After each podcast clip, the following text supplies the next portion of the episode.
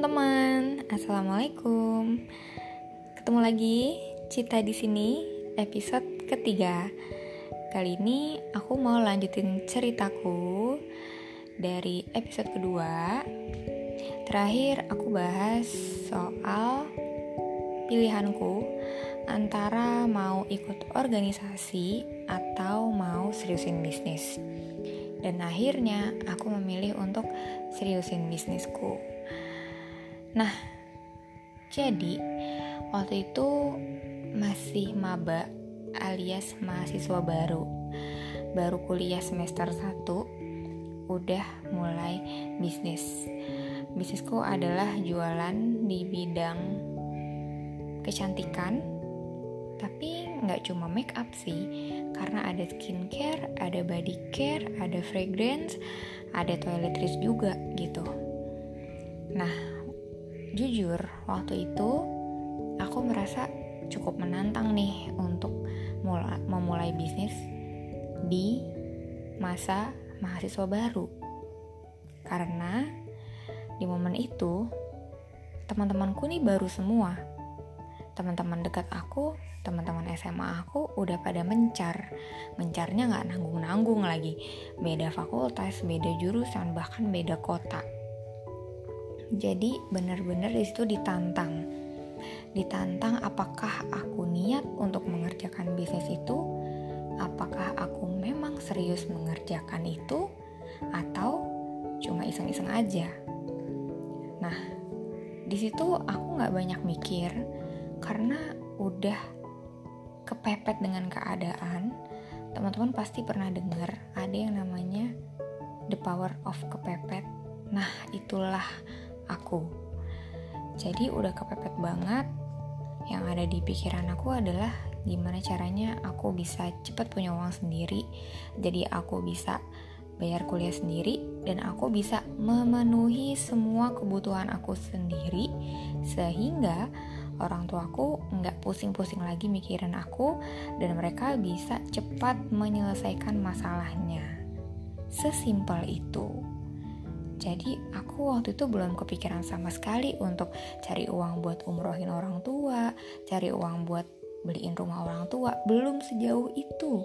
Fokus aku masih ke yang terdekat dulu, ke yang paling kepepet dulu. Waktu itu aku pengen bisa bebas finansial dari orang tua. Aku pengen nol rupiah dari orang tua. Dan aku pengen jajan nggak pakai mikir. Anak umur 18 tahun yang di pikirannya masih jajan masih pengen beli cat time 30 ribu kapan pun yang kita mau.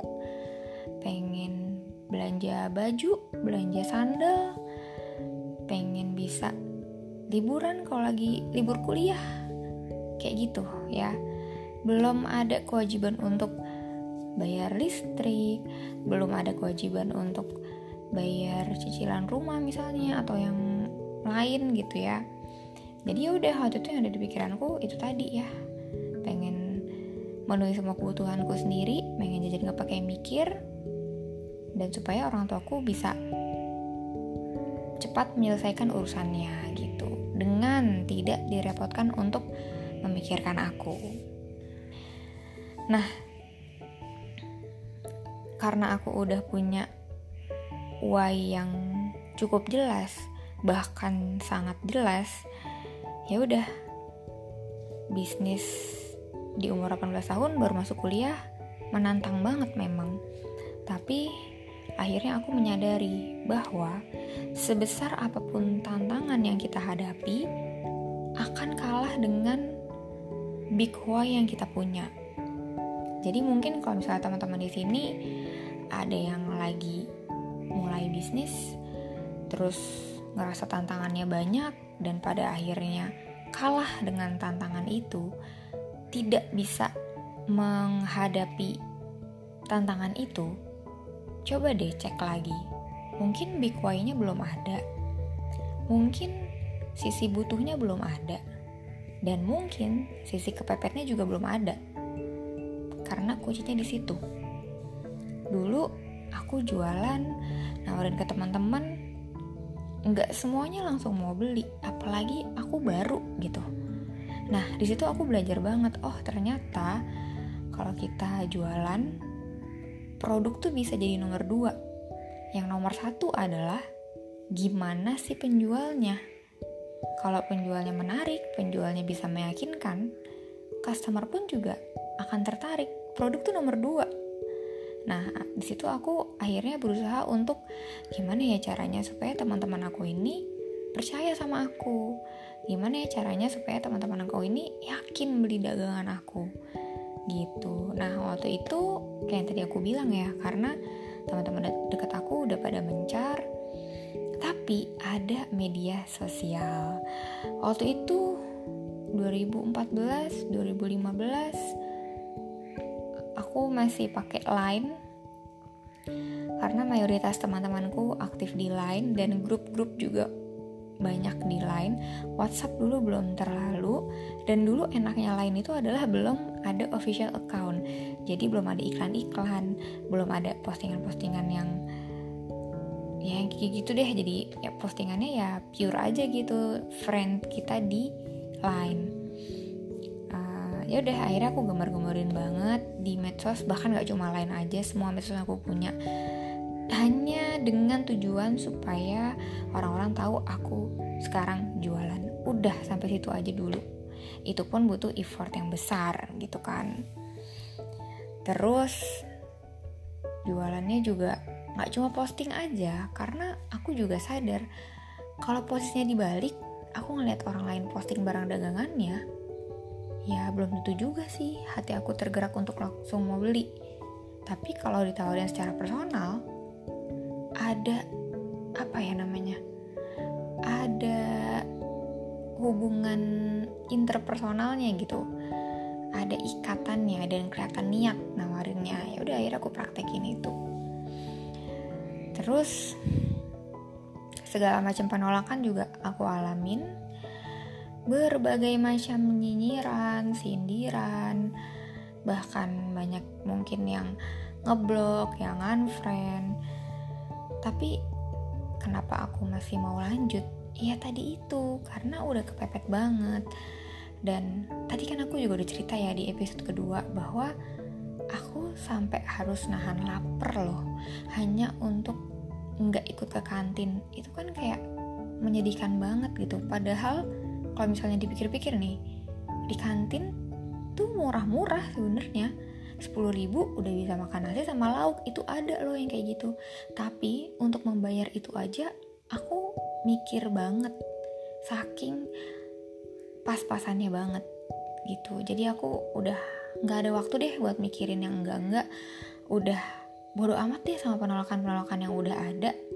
Toh juga aku tujuannya jualan Toh juga aku tujuannya untuk mencari rejeki, bukan untuk spamming, bukan untuk mengganggu temenku.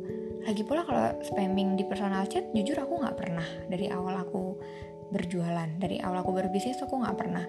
Tapi kalau di timeline terus sering posting, menurut aku itu hal yang wajar gitu. Itu kan namanya promosi, ya kan?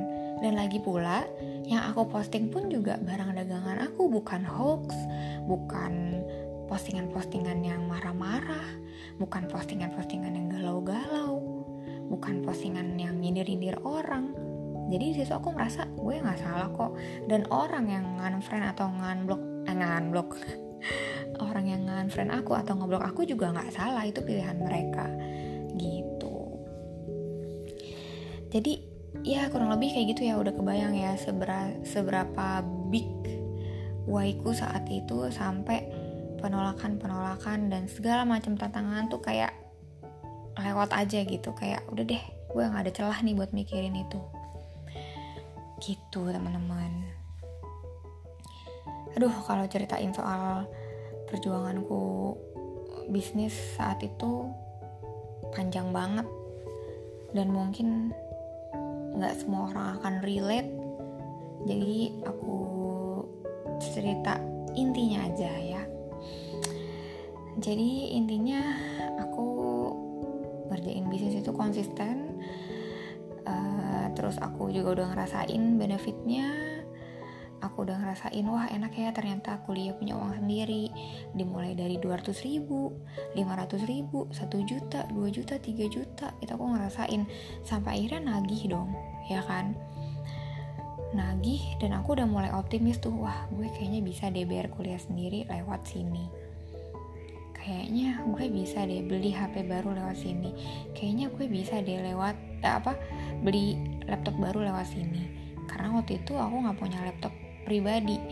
Jadi aku laptopnya berdua sama orang tua aku dan itu nggak enak banget. Yang namanya mahasiswa itu harus punya laptop pribadi biar kalau ada tugas ngerjainnya enak leluasa nggak diburu-buru. Ya udah akhirnya aku kerjain. Dapat tuh tadi ya kan dari ratusan ribu sampai jutaan dan pada akhirnya setahun aku ngejalanin bisnisku aku dapat nominal tertinggi penghasilan 7 juta. Waktu itu baru semester 3, umur aku baru 19 tahun. Itu kayak mimpi banget. Kayak wah, ternyata punya uang tuh nggak harus nunggu lulus kuliah dulu ya. Wah, ternyata aku punya uang segini nggak harus nunggu kerja dulu ya. Bahkan aku ceritain kan ke ibu aku. Waktu itu struggle banget ya teman-teman. Jadi sahabat terbaik aku ya ibuku gitu dan mungkin untuk beliau juga begitu karena ya udah kita saling sharing aja apa yang kita rasain apa yang kita alamin dan saling menguatkan satu sama lain gitu karena ya siapa lagi kalau bukan kita bahkan waktu itu ibuku bilang wah lumayan banyak ya mbak. Kalau kerja gaji segitu harus jadi manajer dulu loh kayak gitu. Situ aku merasa bersyukur banget sama Allah karena udah memberiku jalan gitu untuk merasakan itu. Dan aku yakin semuanya udah diatur gitu. Terus ya udah akhirnya aku selama kuliah mengerjakan bisnisku itu nah udah pasti ada up and down juga ya. Nggak yang nanjak terus sama aja kayak orang naik gunung. Habis nanjak kan turun lagi besok nanjak lagi sama. Bisnisku juga seperti itu. Sempet kok ngerasain hmm, tadi kan aku bilang 7 juta ya. Sempet ngerasain turun 5, 4, 3, 2, 1 pernah. Omset turun juga pernah. Tapi kenapa aku masih bertahan? Karena kuliah mau kerja apa lagi yang bisa bayar aku segitu. Kalau misalnya kerja part time paling berapa sih sebulan? Ratusan ribu atau mentok-mentok sejuta?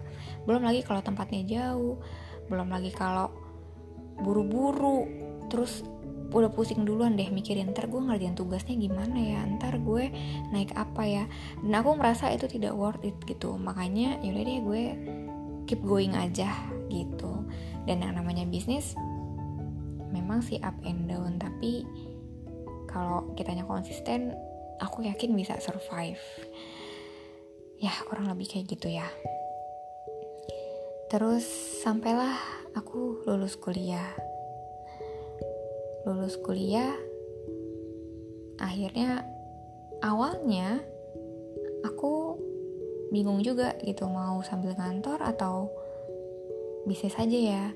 Karena di momen itu pun sejujurnya lagi ada di fase down juga gitu. Rodanya lagi berputar ke bawah nih. Terus aku berpikir untuk kemarin aja gue sambil kuliah bisa kok dapet segitu. Masa sekarang udah lulus gak bisa sih? Kan kerjaan gue ini doang. Nggak ada lagi tuh tugas kuliah.